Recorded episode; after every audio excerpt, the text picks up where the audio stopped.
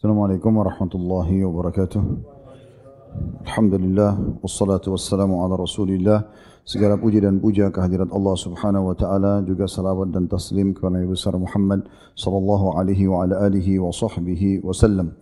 Melanjutkan beberapa kita sahih targhib tarhib dan juga kita masih dalam kitab salat sunnah dan masih dalam bab yang sama bab ke-11 tentang bab ke-9 maaf ya, bab ke-11 anjuran melaksanakan qiyamul lail.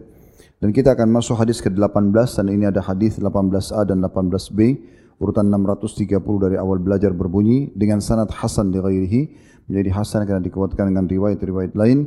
Dari Ibnu Mas'ud radhiyallahu anhu dari Nabi sallallahu alaihi wasallam beliau bersabda ajiba rabbuna min rajulain rajulun thara an wa an witani min an witaihi wa lihafihi min baini ahlihi wa hibbihi ila salati fa yaqulu Allah jalla wa ala أي ملائكتي انظروا إلى عبدي ثار عن فراشه ووطائه من بين حبه وأهله إلى صلاته رغبة فيما عندي وشفقة مما عندي ورجل جزى في سبيل الله وانهزم أصحابه وعلم ما عليه من وعلم ما عليه في انهزام وما له في الرجوع فرجع حتى يهرق حتى يهريق دمه فيقول الله لملائكتي انظروا الى عبدي رجع رجاء فيما عندي وشفقة مما عندي حتى يهريق دمه Rob kita takjub kata Nabi SAW. Rob kita takjub kepada dua orang laki-laki.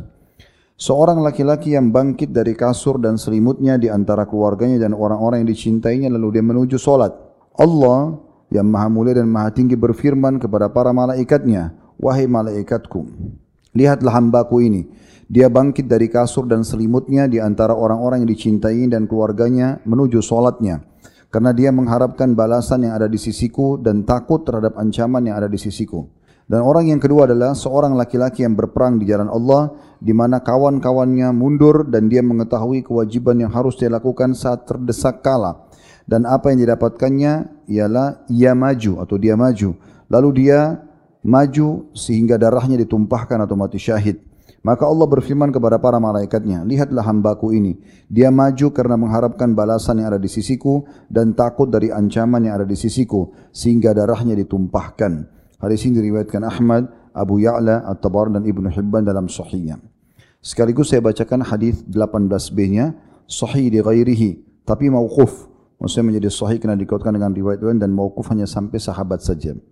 Diriwayatkan oleh Tabarani secara mauquf dengan sanadnya Hasan dan ini dengan sahabat yang sama Abdullah bin Mas'ud, "Inna Allah la yadhaku ila rajulain." رجل قام في ليلة باردة من فراشه ولحافه ودثاره فتوضأ ثم قام إلى الصلاة فيقول الله عز وجل لملائكته ما حمل عبدي هذا على ما صنع فيقولون ربنا رجاء mimma indak fayaqulu fa inni qad ataituhu ma raja wa amma wa ammantuhu mimma yakhaf.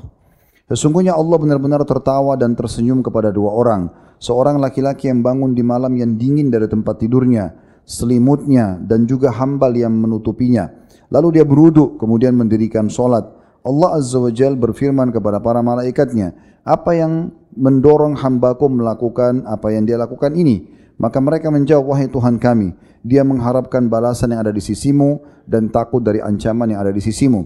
Maka Allah pun berfirman, sungguhnya aku telah memberinya apa yang diharapkannya dan mengamankannya dari apa yang ditakutinya. Di titik maksudnya hadis ini masih berlanjut. Dari dua buah riwayat ini, di satu nomor, urutan 18 dan 630 dari awal belajar, kita bisa ambil banyak sekali pelajaran. Yang pertama, Allah subhanahu wa ta'ala memiliki nama-nama dan sifat yang mulia. Dan sudah kita jelaskan ini pada pertemuan yang lalu dan kita imani apa adanya. Di sini ada sifat ajiba rabbuna mir rajulain. Di riwayat yang lain yang kedua yadhaku ila rajulain. Sesungguhnya Allah kagum. Di riwayat yang pertama yang kedua Allah tertawa dan tersenyum. Dan ini adalah sifat Allah Subhanahu wa taala yang wajib kita imani apa adanya atau kita isbatkan tanpa harus mentakwilkan atau interpretasikan ke makna-makna yang lain.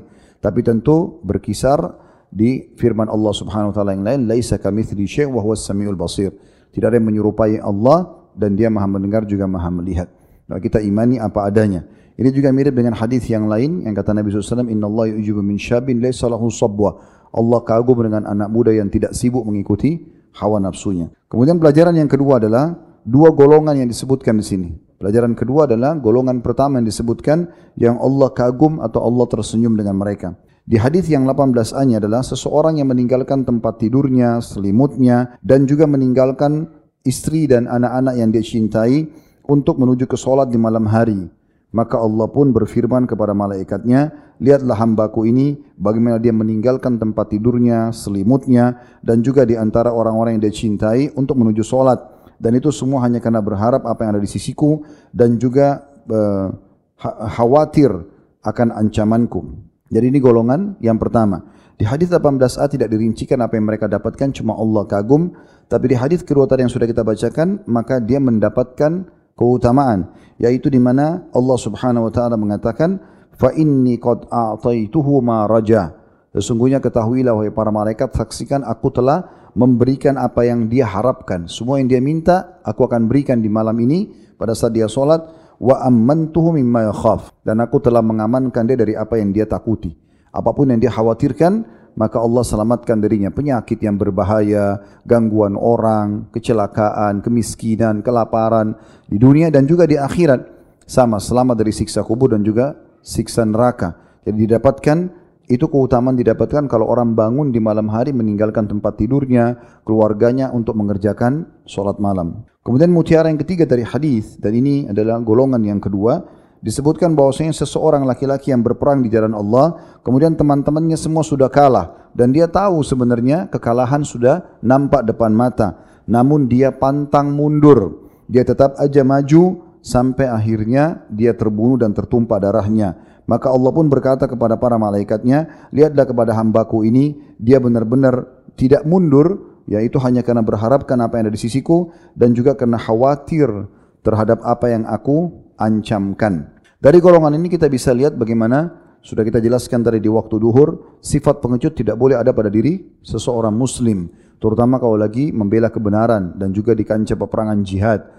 Walaupun kita tinggal sendiri, maka tidak ada pilihan kecuali mati terbunuh, mati syahid dan ini target utama atau kita membawa kemenangan.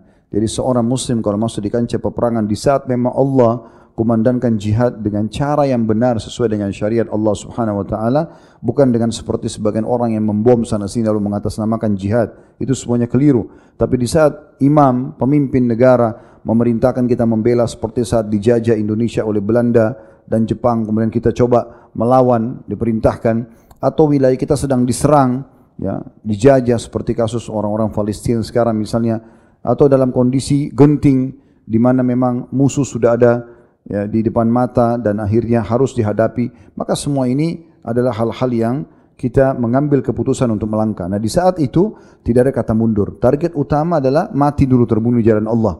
Dan kita sudah tahu orang mati syahid akan mendapatkan banyak keutamaan. Di antaranya kata Nabi SAW, orang mati syahid selamat dari fitnah kubur. Tidak ada lagi pertanyaan mungkar nakir.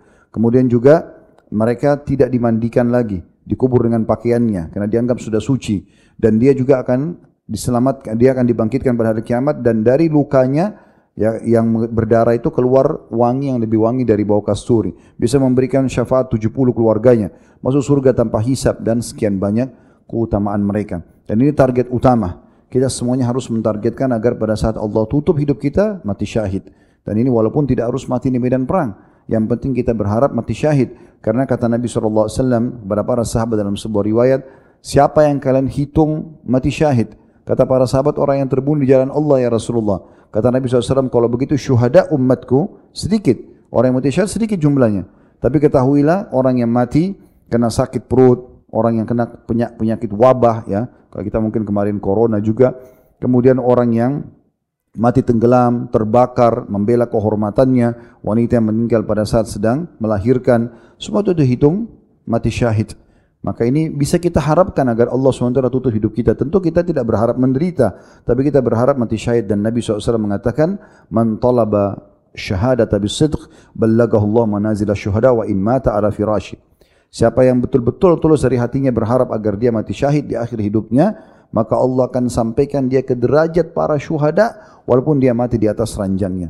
Maka ini harapan seorang muslim agar dia mati terbaik nanti sebagaimana juga dia berharap pada saat dunia juga mendapatkan yang terbaik. Dan ini keutamaan tersendiri tentunya bagi orang yang tidak meninggalkan kancah peperangan dan sebagai penutup sudah saya ingatkan tadi di waktu duhur, orang kalau punya kekuatan masuk medan perang kemudian dia melarikan diri karena pengecut, maka ini termasuk dosa besar. Bagian daripada tujuh induk dosa besar yang membinasakan yang disebutkan dalam banyak hadis Nabi alaihi salatu wassalam. Semua bermanfaat insyaAllah. Kedepannya kita akan lanjutkan hadis ke-19. Subhanakallah bihamdika. Asyadu an la ilaha illa anta astaghfiruka wa atubu ilaih. Assalamualaikum warahmatullahi wabarakatuh.